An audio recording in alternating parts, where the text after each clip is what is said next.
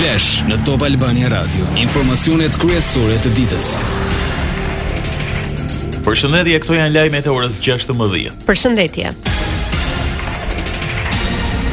Sot shënohet 8 marsi, dita ndërkombëtare e gruas, e njohur edhe si dita e nënës në vendin tonë. Kryeministri Rama uroi festën me risinë që këtë vit e në vijim nënave të papuna me 3 e më shumë fëmijë Sigurimet shoqërore shëndetësore u paguhen nga shteti. Në sheshin Nënë Tereza është vendosur instalacioni Këpucët e kuqe për të mos qëndruar aty vetëm një ditë. Ato simbolizojnë gratë e vrara nga bashkëshortët apo familjarët. Kjo mënyrë e të protestuarit daton nga 20 gushti 2009, ideuar nga një artiste meksikane. Sot në Ditën Ndërkombëtare të Gruas pati protesta në Tiranë si edhe në qytete të tjera të vendit përfshirë Durrësin e Elbasanin para kryeministrisë në krye qytet kërkuan respektimin e të drejtave. Po ashtu bënë thirrje për fuqizimin e ligjit për mbrojtjen e jetës së gruas, ndërsa më një mars, tre gra u vranë e tre të tjera u plagosën në kryeqytet.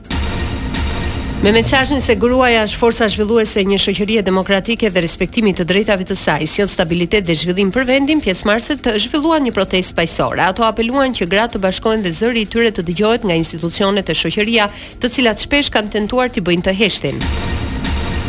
Me thirrjet patriarkati vret dhe vrasjet ndaj grave janë të paralajmëruara, kolektivi marshojmë, s'festojmë, protestoi në Prishtinë në kërkim të respektimit të të drejtave të grave në Kosovë. Të pranishmit kërkuan dënime maksimale për vrasësit, dhunuesit e ngacmuesit e grave si edhe më shumë siguri për to. Në vendin tonë janë bërë përparime në barazinë gjinore, por sërish ka diferenca të mëdha sidomos për pushtetin ekonomik. Meshkujt paguhen më shumë dhe dominojnë në pozicione drejtuese në biznes, edhe pse gratë kanë nivel më të lartë të arsimit universitar dhe u është rritur pesha në politikë, një pjesë e konsiderueshme e kabinetit qeveritar përbëhet nga gra ministra. Lajmet në internet në adresën www.topalbaniaradio.com. Vendoret e katërmbëdhjetë majit, situata politike dhe rekomandimet e ODIR-it në fokus të takimeve që Yuri Kim pati me Damian Gjiknurin e Enkelejd Alibeajn. Fillimisht ambasadorja amerikane u ndal në selinë rozë, ku sekretari i përgjithshëm e garantoi mbi vendosmërinë e maxhorancës për të kontribuar aktivisht për një proces zgjedhor sipas standardeve më të mira ndërkombëtare. Diplomatja ripërsëriti mbështetjen amerikane në përpjekjen për garantimin e zgjedhjeve të lira e të ndershme pas takimit me Gjiknurin, mjediset e kryesisë së Kuvendit ishin ndalesa e radhës së ambasadores Kim kësaj here për takimin me Alibeajn, krahas 14 majit diskutuan rekomandimet e ODIHR-it, shqetësimet mbi përdorimin e administratës dhe pastërtinë e kandidatëve. KQZ nisi shqyrtimin e kërkesave për regjistrimin në vendoret e katërmbëdhjetë majit, nesër shqyrton të Partisë Demokratike për t'u regjistruar në zgjedhje. Më tre mars, Apeli riktheu për shqyrtim në Gjykatën e Shkallës së Parë se kujt i përket vula, grupit të Berishtës apo të Alibeajt. Ndërkohë, në vazhdën e takimeve të zhvilluara sot, ambasadorja Kim ishte edhe në zyrën e kreut të Partisë së Lirisë, Ilir Meta, i cili tha, Diskutuam situatën e rëndë të krijuar nga qeveria në Kuvend, bllokimi i komisioneve hetimore e interpelancave do të thotë rrëmbimi de facto i parlamentit. Folëm për përdorimin e administratës shtetërore në funksion të shitblerjes së votës. Ka një rëndim të situatës lidhur me pastrimin e parave, narkotrafikëve dhe veprimtarisë kriminale. Në një mesazh, ambasadoret në vendin tonë u bëjnë thirrje grave të votojnë në vendoret e 14 majit, diplomatet apelojnë të përdorin votën që më pas të kërkojnë llogari për mënyrën si qeveri Sen, jepini votës suaj vlerë për shërbime më të mira lokale. Përdorni votën tuaj, theksohet në këtë apel.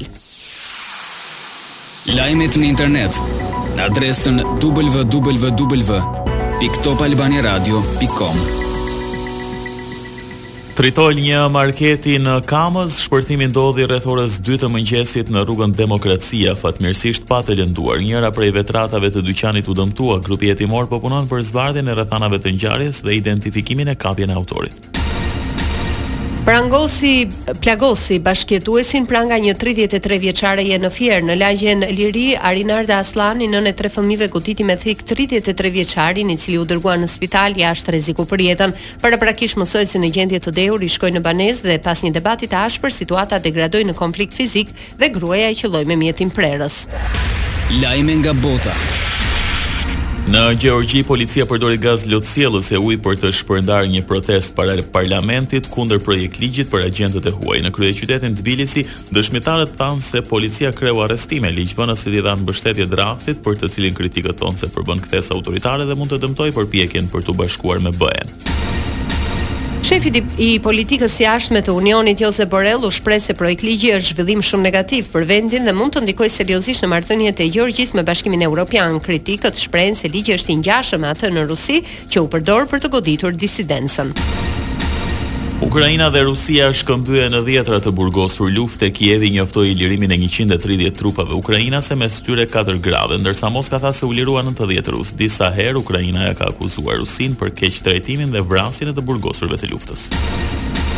Brenda këtij muaji zëdhënësi i Departamentit Amerikan të Shtetit Ned Price do të largohet nga posti që mban prej më shumë se 2 vjetësh dhe do të marrë një pozicion të ri pranë sekretarit të Shtetit Antony Blinken. Një gjë e tillë u bë e ditur nga vetë kryediplomati i Washingtonit një ditë më parë.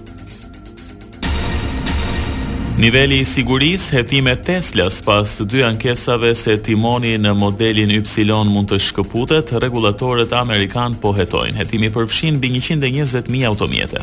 Y është automjet sportiv me karakteristika të makinave për përdorim të përditshëm me pasagjerë kombinuar me veçoritë e atyre që shfrytëzohen në shkretëtira. Ky model rezulton më i shituri i Tesla-s. Parashikimi i motit. Vendi ynë do të vijojë të ndikohet nga kushte atmosferike të paqëndrueshme për shkak të masave ajrore të lagështa me origjinë jugperëndimore. Reshje shiu priten në orët e mbrëmjes më të përqendruara në perëndim. Temperaturat luhaten nga tre në njëzet e një gradë Celsius. Dëgjuat një përmbledhje të zhvillimeve kryesore të ditës. Edicioni informativ i radhës është në orën 17. Unë jam Doriana Lato. Unë jam Edi Hallaçi. Kjo është Top Albania Radio.